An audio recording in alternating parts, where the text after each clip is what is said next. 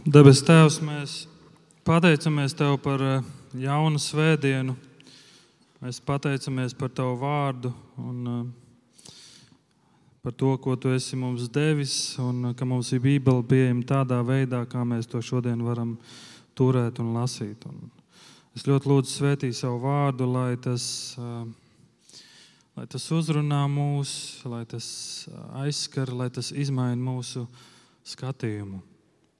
Es ļoti lūdzu, lai Tavs vārds izmaina mūsu skatījumu uz to, kas esi Tu, ko Tu esi atnācis darīt un kādai būtu jābūt mūsu reakcijai.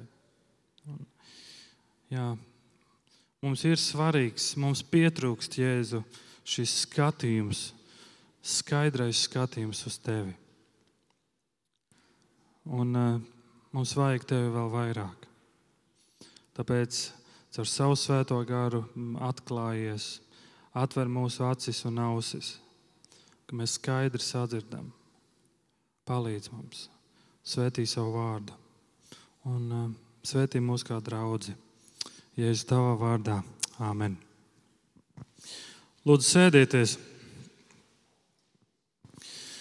Mani sauc Raimons, un uh, es esmu viens no šīs draudzes uh, nojaus nu sludinātājiem. Un, uh, Ir labi būt, kad mēs eh, ir labi būt draudzē kopā, un katru svētdienu, kad mēs kā draugi nākam kopā, viena no lietām, ko mēs darām, un ja tu regulāri nāc uz Vīlandi vai tu klausies Vīlandes svētdienas eh, mūsu mājaslapā, tad tu esi pamanījis, ka mēs ejam cauri Mateja evaņģēliem. Un arī šodien mēs to turpināsim darīt.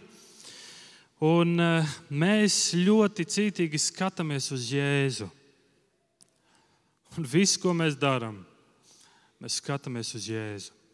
Un, ja tu nāc šeit un, un uh, uz šo draugu, tad uh, patiesībā nekas cits,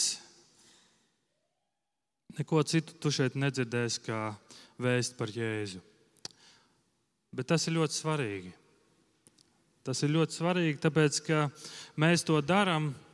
Mēs studējam Bībeli, mēs studējam rakstus un skatāmies uz Jēzus dzīvi jo Jēzus ietekmē mūsu skatījumu. Jēzus ietekmē mūsu skatījumu. Uz ko? Skatījumu pirmkārt uz pašu Dievu, skatījumu uz pašu Jēzu. Jēzus ietekmē mūsu skatījumu uz pasauli, kurā mēs dzīvojam.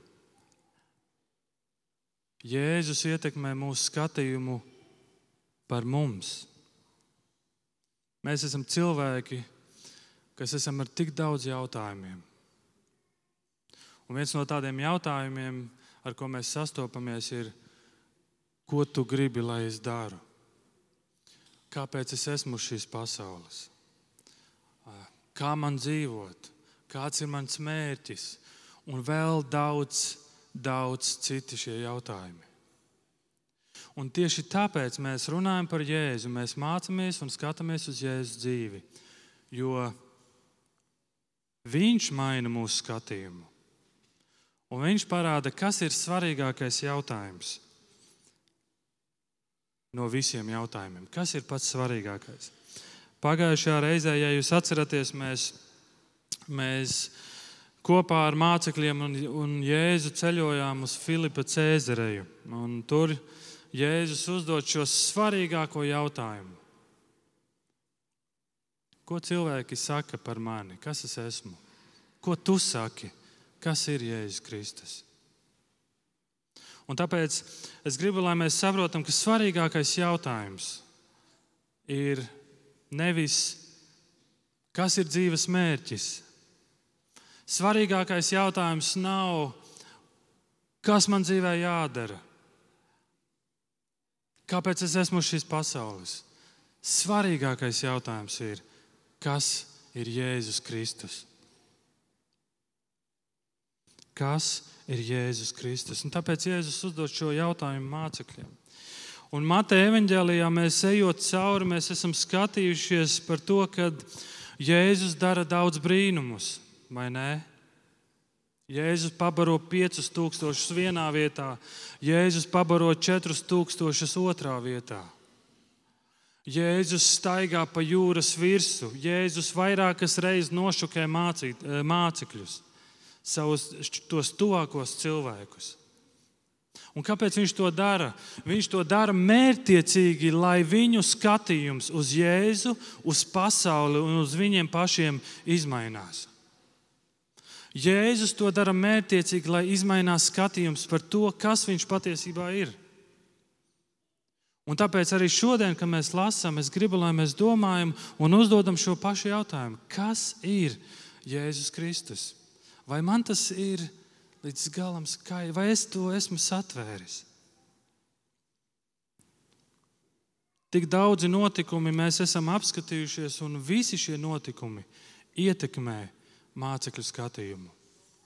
Bet ne tikai tas, tur ir arī farizēji, tur ir rakstu mācītāji, kuriem kuri māca kaut ko. Tur ir citas filozofijas, kas saka kaut ko citu, un arī tās filozofijas ietekmē mācekļu skatījumu. Kas ietekmē mūsu skatījumu šodien? Ziņas, sociālie tīkli, Instagram, Facebook, māksla Patiesībā viens no mākslinieka uzdevumiem ir uzzīmēt tādu mākslas darbu, ka tas izaicina tavu skatījumu par pasauli, kurā mēs dzīvojam. Tas ir viens no mākslinieka uzdevumiem. Un Bībele ir Dieva īpašais mākslas darbs. Un ja mēs to lasām, mūsu skatījums tiek ietekmēts. Tas, ko mēs vairāk uzņemam, tas, ko mēs vairāk lasām, tas, ko mēs skatāmies, tas, uz ko mēs skatāmies, ietekmē manu un tavu skatījumu. Un tāpēc šajā reizē, kad mēs domājam par, par šo īpašo notikumu, kuru jūs noteikti daudz zinat, ir 17. nodaļā, no 1 līdz 13. pantam. Jēzus, kā Ancis lasīja, Jēzus 16. nodaļas beigās mācekļiem sāk mācīt par savu nāvi. Un Pēters Jēzu norāda un saka, pagaidi, nē, mans skatījums par Jēzu, par tevi ir cits. Tu nāc, lai izglābtu mūs no Romas impērijas. Tu nāc kā tāds politiskais uzvarētājs. Tu nāc kā tāds ķēniņš, un tu saki, ka tu mirsi Un Jēzus Pēteri norāja. Un viņš saka šādus vārdus: Kas grib glābt savu dzīvību, tas to zaudēs, bet kas savu dzīvību zaudēs manis dēļ, tas to atradīs. Un Jēzus mācekļus daudz sāk mācīt par savu nāvi. Mums šeit sēdošiem iespējams tas neko nenozīmē. Mums šeit sēdošiem iespējams šis mācekļu šoks, šis Pētera šoks iespējams neko nenozīmē, jo mēs jau zinām evaņģēliju uz priekšu, mēs zinām, kas notiek tālāk. Bet mācekļi nezina, ko tu runā Jēzu. Kas ir šis jaunais attēls, ko tu gribi ielikt mūsu prātos? Tu atnāc kā ķēniņš un tu mirsi? Un tad 28. pāns. Patiesi es jums saku, daži no tiem, kas šeit, kas šeit nāvi nebaudīs, pirms nebūs redzējuši cilvēka dēlu nākam savā valstībā. Un viņš saka to saviem mācekļiem, daži nāvi nebaudīs, pirms viņi neredzēs cilvēka dēlu nākam savā valstībā. Un pēc sešām dienām Jēzus paņem trīs mācekļus, un ko viņš dara? Viņš uzved viņus kalnā. Mēs nezinām, kādā kalnā. Viņš uzved viņus kalnā, un mēs lasām, ka un Lūkas evanģēlijas saka, ka viņi gāja uz kalnu dievu lūgt. Viņš uzveda mācekļus kalnā un viņi lūdz dievu. Māt, daži mācekļi jau mazliet aizmiguši, viņi vai nu pamodušies no savas aizmigšanas, viņi redz kaut ko īpašu. Un viņš tapa pārveidots to priekšā, Jēzus to pārveidots mācekļu priekšā. Viņa vaigs mirdzēja kā saule, un viņa drēbes tapa baltas kā gaisma. Notiek kaut kas īpašs. Jēzus tiek pārveidots. Jēzus seja izmainās, viņa drēbes izmainās. Patiesībā šeit vārds pārveidots, tas nav vienkārši, ka viņš kļuva spožāks.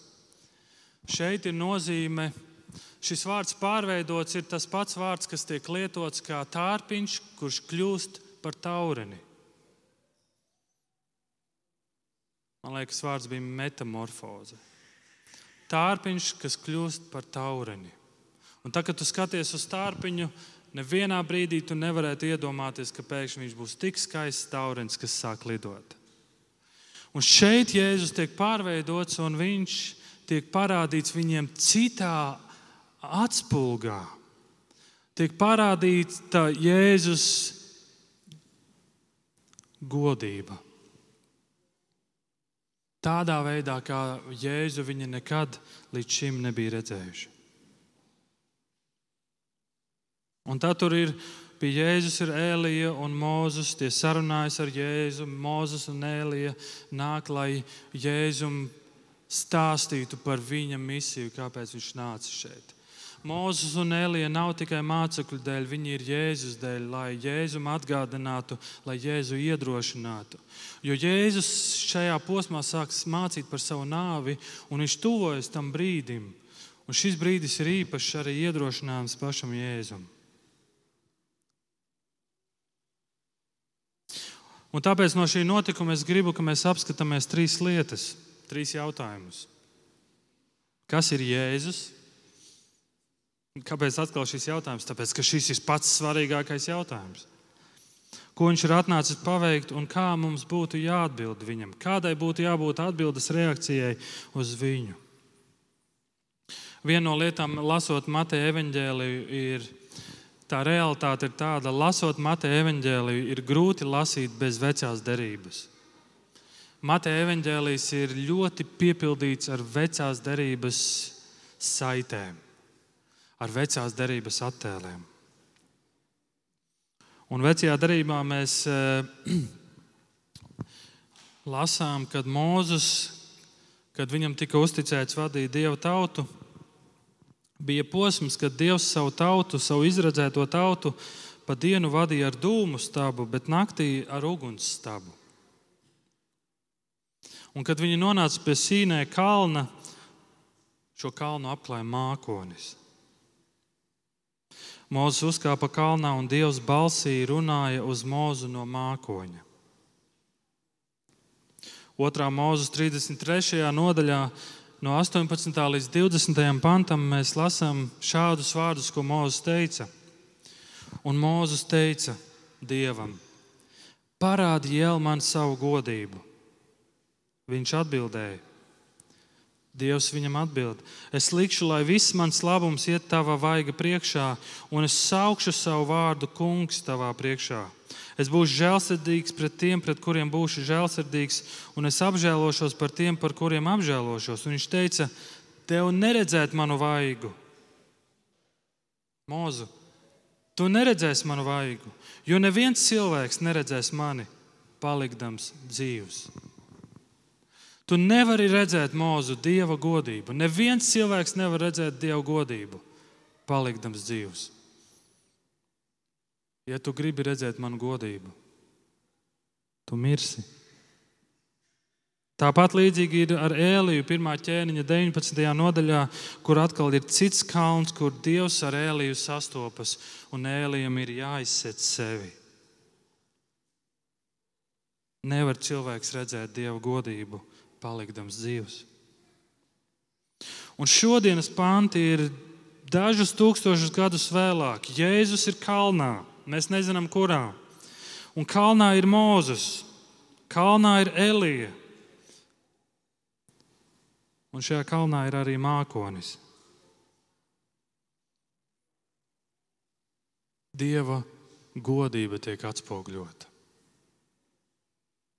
Mozus grib redzēt, kas ir mākoņa iekšā.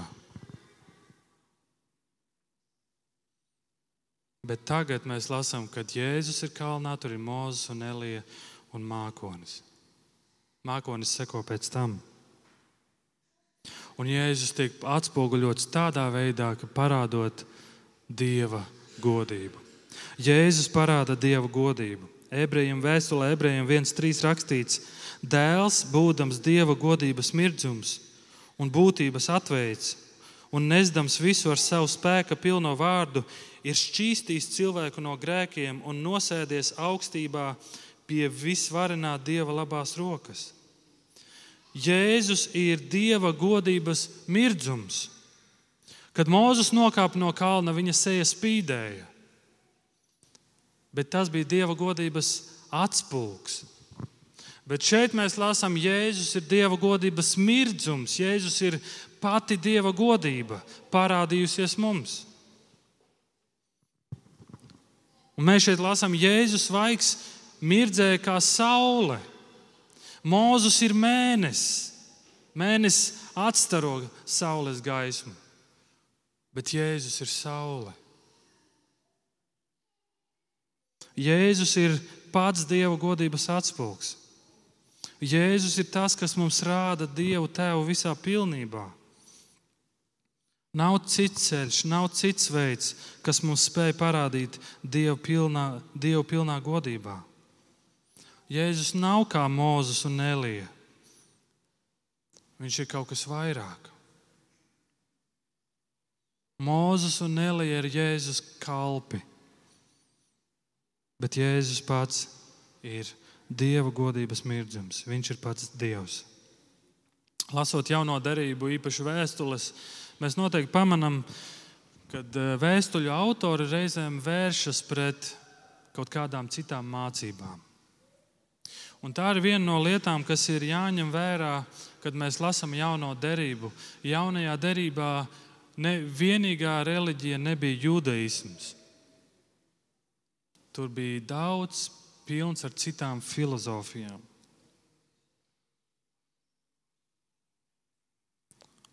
Citas filozofijas un citas dzīves uztveres, un to sauc par gnosticismu, citā vārdā. Un jūs iespējams šo vārdu esat dzirdējuši. Gnosis no grieķu vārda nozīmē izzināt un iepazīt. Un, ši, un, un šis gnosticisms tiek lietots, lai apzinātu veselu virkni dažādu filozofisko novirzienu. Ir dažādi novirzieni, un lai to visu apzinātu, izprastu, ir tas gnosticisms. Gnosticisms ir kaut kas tāds, kas ir eksistējis jau pirms kristietības. Nāk no austrumiem, un to ietekmē Babilonijas un Asīrijas impērijas. Un viņš ieiet arī jūdaismā un, un, un cenšas arī ietekmēt to. Ietekmē arī to. Un viens no novirzieniem ir stoicisms.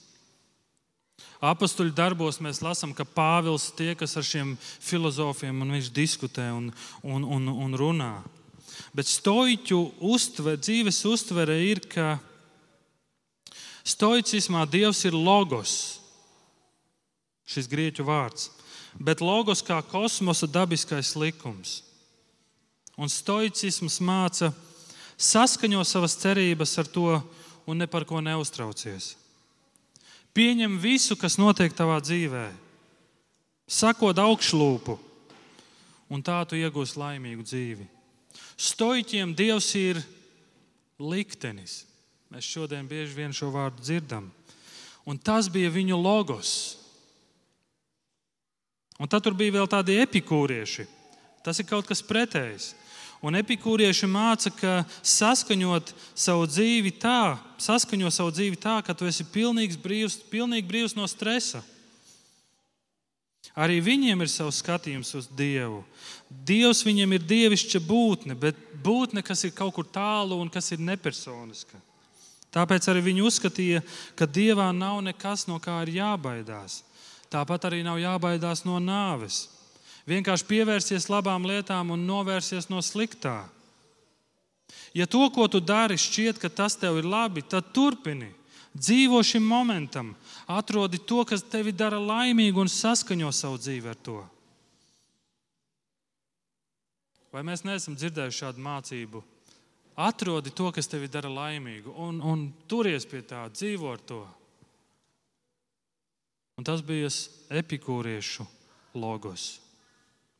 Logos grieķiem bija bezpersoniska, harmoniska, dievišķa kosmosa struktūra kā kopums.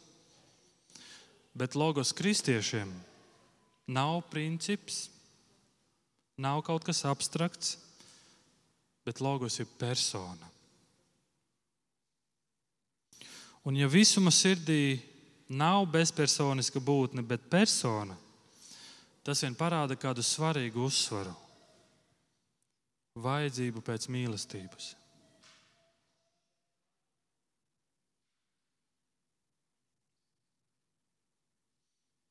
Ir kāds ateists, man liekas, Francijā, Luks Ferijs.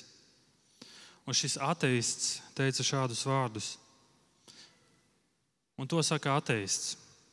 Kad radās kristietība, tad cilvēks kļuva visuma centrā. Ja nebūtu kristietības, tad nebūtu arī cilvēktiesību. To raksta ateists, kurš pētot visas šīs filozofijas, novirzienus, reliģijas kaut ko pamana. Visuma centrā ir persona, kuru tu vari iepazīt, persona, kuru tu vari iemīlēt, persona, kas mīl tevi, persona, kuru tu vari apbrīnot, priecāties un piedzīvot viņa mīlestību. Kas ir Jēzus? Viņš nav tikai labs skolotājs vai viens no praviešiem. Jēzus ir Dieva godības mirdzums. Viņš ir pats Dievs. Bet ko tad viņš ir atnācis paveikt? Šis notikums mums parāda vēl kaut ko. Viena lieta, kas mums jāzina par jūdiem, ir vecajā darbā. Mēs zinām, ka jūdi pat nespēja, viņi pat neuzdrīkstējās izteikt vārdu Jahve. Viņi nespēja izteikt vārdu Dievs, līdz ar to viņi arī rakstot, viņi šo vārdu saīsina.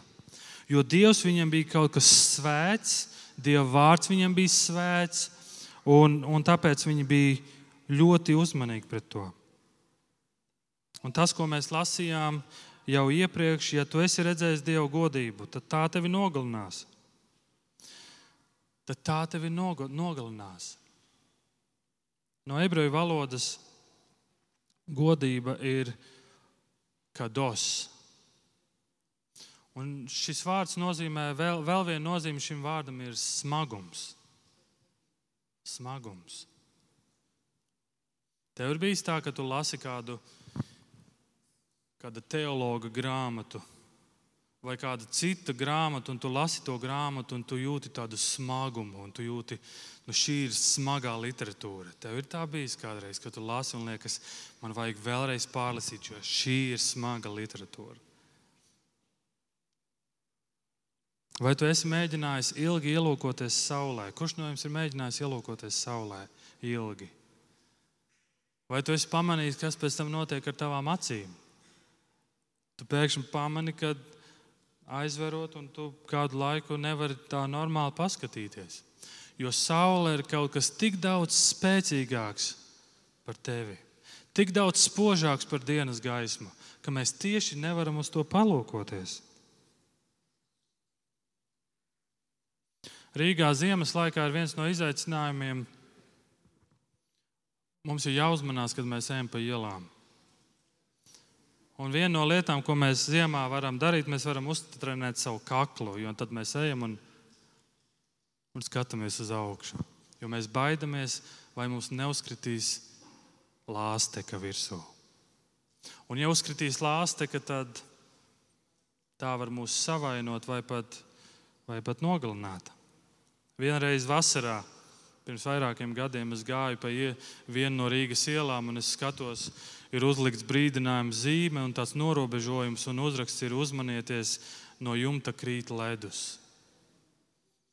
Tas bija kā tāds joks, bet visi paraudzījās. Bet visi paraudzījās. Bet iedomājieties, ja tu ietu pa kādu no Rīgas ielām, un no trešā stāva, no trešā stāva tev uzkristu zilonis. Kā tu domā, kas ar tevi notiktu? Tu nomirtu. Tu nomirtu. Tu domā, baigais piemērs Raimons. Bet šeit vienkārši nostrādā vienkārši likums. tu nespēji panest ziloni. Tas ir likums. Un reizēm ir tā, ja tu liecies sev gudrs, esam, un tad tu nonāc citu cilvēku kompānijā, kur šie cilvēki ir daudz gudrāki par tevi. Kā tu jūties? Tu jūties, tu nejūties vairs ērti, tu jūt, nejūties vairs gudrs, esam, jo to citu cilvēku gudrība var būt daudz lielāks un kaut kas smagāks. Iesējas 6. nodaļā šis pravietis, īpašais pravietis, viņš redz vīziju, viņš redz dievu, un viņš ir pārbijies. Un viņš, un viņš ir pārbijies par to, ka viņš saprot, viņš ir redzējis dievu, un ja tu esi redzējis dievu, tu mirsi.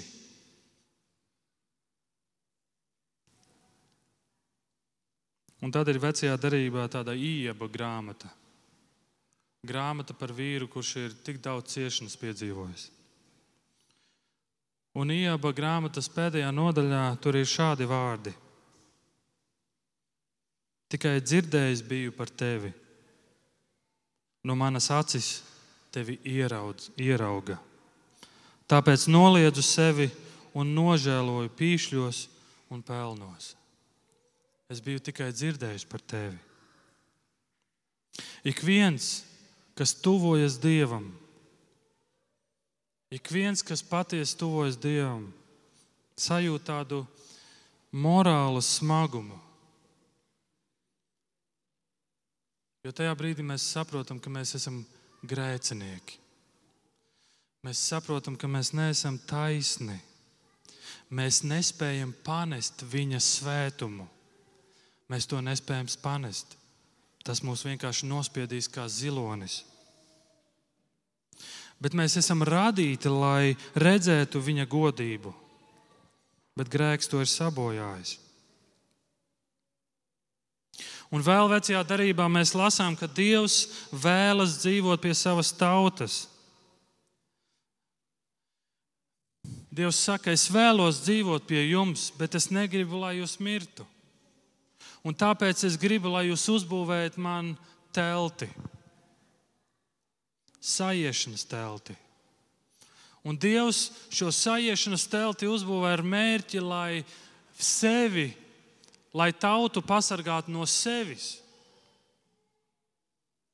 Un tāpēc šajā notikumā, kad Pēteris un mācekļi redz šo vīziju, Pēteris sāk runāt. Un viena lieta, ko mēs pamanām, Pēters vienkārši kaut ko runā, un mums liekas, viņš pat nesaprot, ko viņš runā. Bet viena no lietām, ko viņš saka, mums šeit ir labi. Uzbūvēsim šeit trīs teltis. Un kā tāds kārtīgs jūds, viņš saprot, ka dieva godībai vajag telti. Viņš to zina. Dieva godībai vajag telti.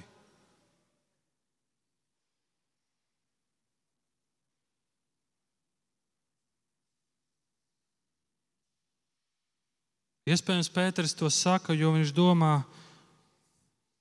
mums vajag aizsardzību, jo mēs redzam Dieva godību. Mums vajag aizsardzību. Un 5. un 6. pantā mēs lasām, kad viņš vēl runāja, Pēters runāja, redzi, spoža padebes to apēnoja. Un pēkšņi balss no padebeša atskanēja: Šis ir mans mīļotais dēls, uz ko man labs prāts klausiet viņu. Mācekļi to dzirdēdami ļoti nobijušies, krita uz sava vaiga. Kas te notiek? Mūzus gribēja ieraudzīt to, ko mācekļi ierauga tagad. Padebes apēnoja mācekļus. Viņi ir šajā mākonī, un balss uz viņiem runā. Šis ir mans mīļotais dēls, uz ko man labs prāts, klausiet viņu. Mācekļi tiek apēnoti. Viņi ir pārbijušies. Un kas notiek? Viņi nemirst. Viņi paliek dzīvi. Un tu jautās, kāpēc? Un lūk, arī 8. pants atbilde. Acis pacēluši, tie vairs nevienu citu neredzēja, kā vienīgi Jēzu. Nevienu citu, kā vienīgi Jēzu. Mateja evanģēlijas 27. nodaļā, 51. pāns. Un redzi, tempļa priekškars tika pārplēsts divās daļās, no augšas līdz apakšai un zeme trīcē un klintis sašķēlās.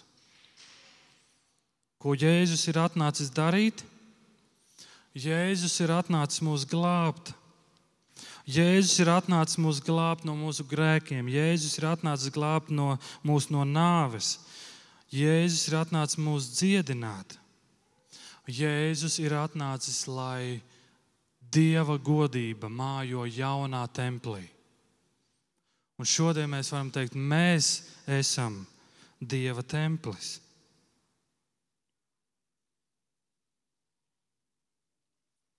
Un paklausies, kas rakstīts Jāņa 17. nodaļā, 22. pantā.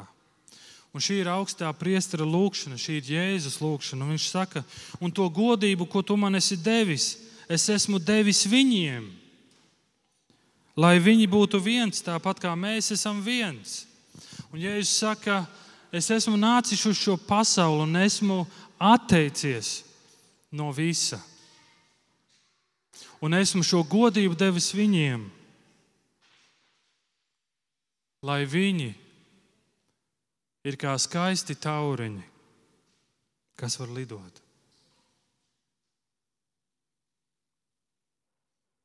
Es savu skaistumu esmu devis viņiem,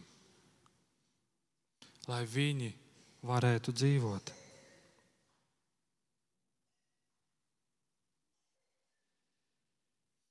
Jēzus ļoti daudz mācekļiem māca par savu nāvi. Un viņš saka, ka viņam ir jāmirst. Jēzus ir pazemīgais kalps, un tāpēc 9. pantā viņš saka, nestāstiet nevienam par šo redzējumu. Nestāstiet nevienam kamēr cilvēka dēls nebūs uzcēlies no mirušajiem. Kāpēc Jēzus vairāk kārt saka, nestāsti, nestāsti? Tāpēc, ka Jēzus vēlas, lai mācekļi ierauga lielo bildi, lielo attēlu.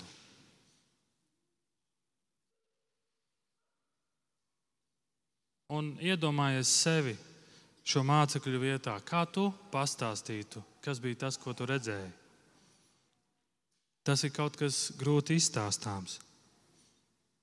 Un reizēm kristietība ir tāda, tad, kad tu kļūsti par kristieti, un cilvēks reizēm te uzdod tādus jautājumus, un tu reizēm domā, kā lai es viņam pastāstu, kas ir ticība. Kā lai es viņam pastāstu, cik skaisti ir ticēt Jēzum. Kā lai es kādos vārdos, lai es to ietērpu, un to reizēm ir grūti ietērpt, jo tas ir kaut kas, ko reizēm tu nevari izstāstīt bet tas ir jāpiedzīvo. Tas ir jāpiedzīvo. Un beigās mācekļi dodas lejā un viņi jautā Jēzum, kādēļ rakstu mācītāji teica, ka Elijam jānāk pa priekšu. Viņš tiem atbildēja, Elija gan nāk un visu atjaunos, bet es jums saku, Elija jau atnāca, bet tie viņu nepazina un izrīkojās ar viņu kā gribēja. Tāpat arī cilvēka dēlam būs jācieš no tiem. Tad mācekļi saprata, ka viņš tiem bija runājis par Jāni Kristītāju. Un mācekļi jautā, viņš saka, klausies, Jēzu, kā tas sanāk? Mēs redzējām Eliju, bet vai Elijam nebija jānāk iepriekš? Vai viņam nebija jānāk pirms šis viss notiek? Un Jēzus atbild un norāda, ka Elija jau ir nācis. Jānis Kristītājs Elijas garā. Sagatavot ceļu, bet viņš māca arī par savu nāvi.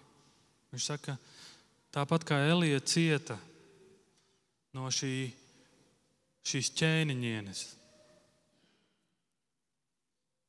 tāpat arī Jānis Kristītājs cieta no Hēroda jaunās sievas.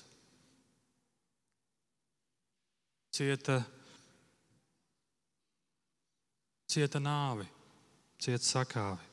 Un Jēzus saka, un tāpat arī man būs jāmirst. Arī man ir jāmirst. Un, ja tu saproti, un tāpēc mums ir svarīgi ieraudzīt, kas ir Jēzus. Un tad, kad tu skaidrāk ieraudzi, ieraudzi kāpēc viņš ir nācis un uz ko viņš mūs aicina, kad viņš saka vārdus, tad Jēzus tiem sacīja, ja kāds grib man sekot, tas lai aizliet sevi, ņem savu krustu un seko man. Baigi iedrošinošā vēsts, Jēzu, vai ne? Paldies! Es izvēlos labāk kādu stoiķu vai epikūriešu uh, filozofiju, kas izklausās daudz ērtāk.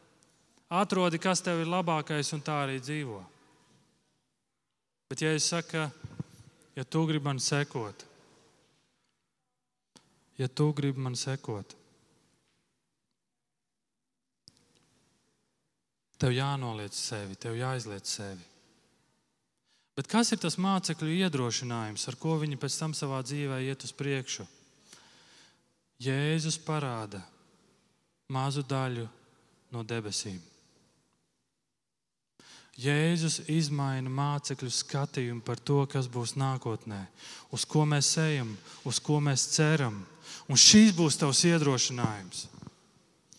Tas būs tavs iedrošinājums. Tas būs iemesls, kāpēc tu gribēsi aizliegt sevi, nomirt sev šodien, lai rītdien tu iegūtu mūžīgo dzīvību.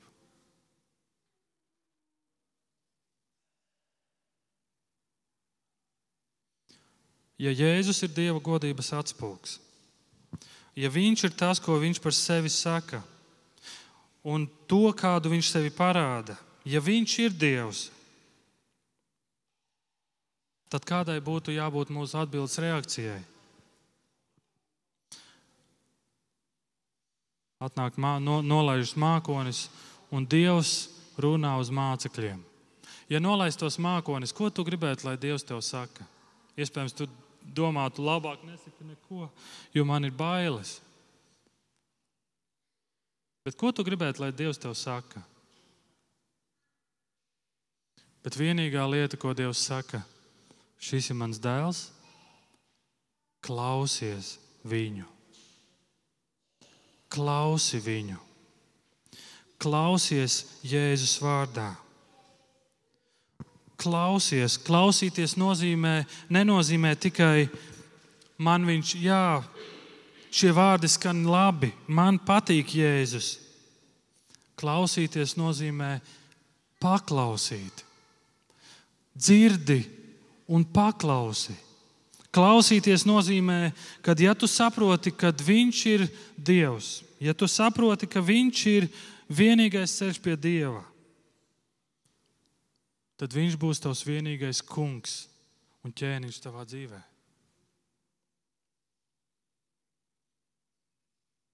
Apostoļu darbi 3.22. Mozus sacīja, Kungs, Dievs iecels jums pravieti no jūsu brāļiem, tāpat kā mani. Viņu jums būs klausīt visās lietās, ko viņš jums runās. Klausies audiāli un paklausi. Un romiešiem 8, 18. Pāvils saka, es domāju, ka šī laika ciešanas ir nenozīmīgas tās nākamās godības priekšā, kas mums tiks atklāta. Un mācekļi sastapās ar daudzām ciešanām, bet viņi ieraudzīja kaut ko tādu, ka viņi teica, šīs ciešanas, viss, ar ko es sastopos savā dzīvē, nav nekas, attiecībā pret to godību, ko Dievs mums ir sagatavojis.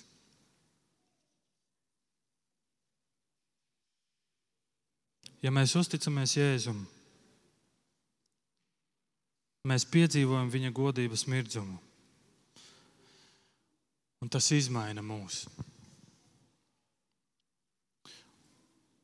Un es teicu, kad mākonis nolaidās, mācekļi bija tur un viņi palika dzīvi.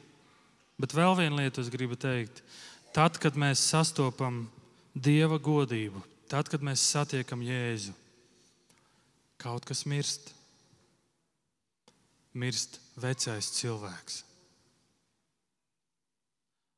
Un citādāk nevar būt. Ja tu sastopi īsto Jēzu, tad tavs vecais cilvēks mirs. Tavs skatījums uz dzīvi mainīsies, tava rīcība mainīsies, tava dzīve mainīsies, tas, kā tu runā, mainīsies, tas, kā tu attiecies pret saviem kaimiņiem, pret savu ģimeni, pret naudu, pret laiku, pret, pret attiecībām, mainīsies.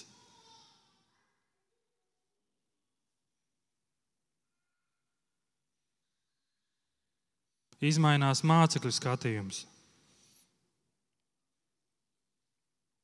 Izmainās skatījums par Jēzu, un tas ir viņu iedrošinājums.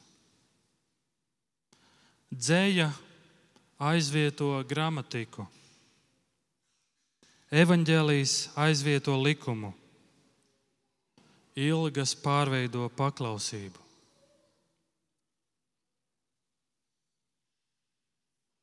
Šī gramatika, ko es tik ļoti esmu mācījies, pārtop skaistā dzējā. Un ilgas pēc šīs godības, uz ko es tiecos, uz ko es skatos, pārtop paklausībā. Dieva vienīgie vārdi mācekļiem un mums. Šis ir mans dēls. Klausiet viņu. Šis ir mans dēls. Klausiet viņu. Lūksim Dievu. Debes Tēvs, paldies par Tavu vārdu šodien. Paldies par to, ka Tu tik ļoti mūs māci, un paldies par to, ka Tu mūs tik ļoti mīli. Un paldies, ka Tu esi atklājis savu godību caur Jēzu Kristu. Jēzu Kristu es ļoti lūdzu, palīdz mums klausīties Tevī, palīdz mums skatīties uz Tevi, palīdz mums vērst savu skatienu uz Tevi, palīdz mums mūsu ikdienā vērsties pie Tevis jebkurā jautājumā. Palīdz mums, Jēzu! ka mūsu skatījums uz tevi izmainās. Ka mūsu skatījums izmainās tā, ka tad, kad grēks nāk mūsu dzīvē, mums nav attaisnojumi, bet mēs spējam paklausīt.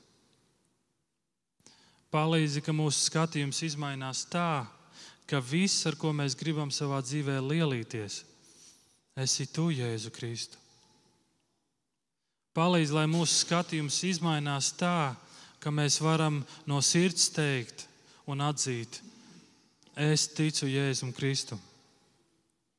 Jēzus Kristus ir mans kungs un mans ķēniņš. Izmaini mūsu skatījumu Jēzu. Izmaini mūsu iztēli par to un parādi to daudz skaidrāk.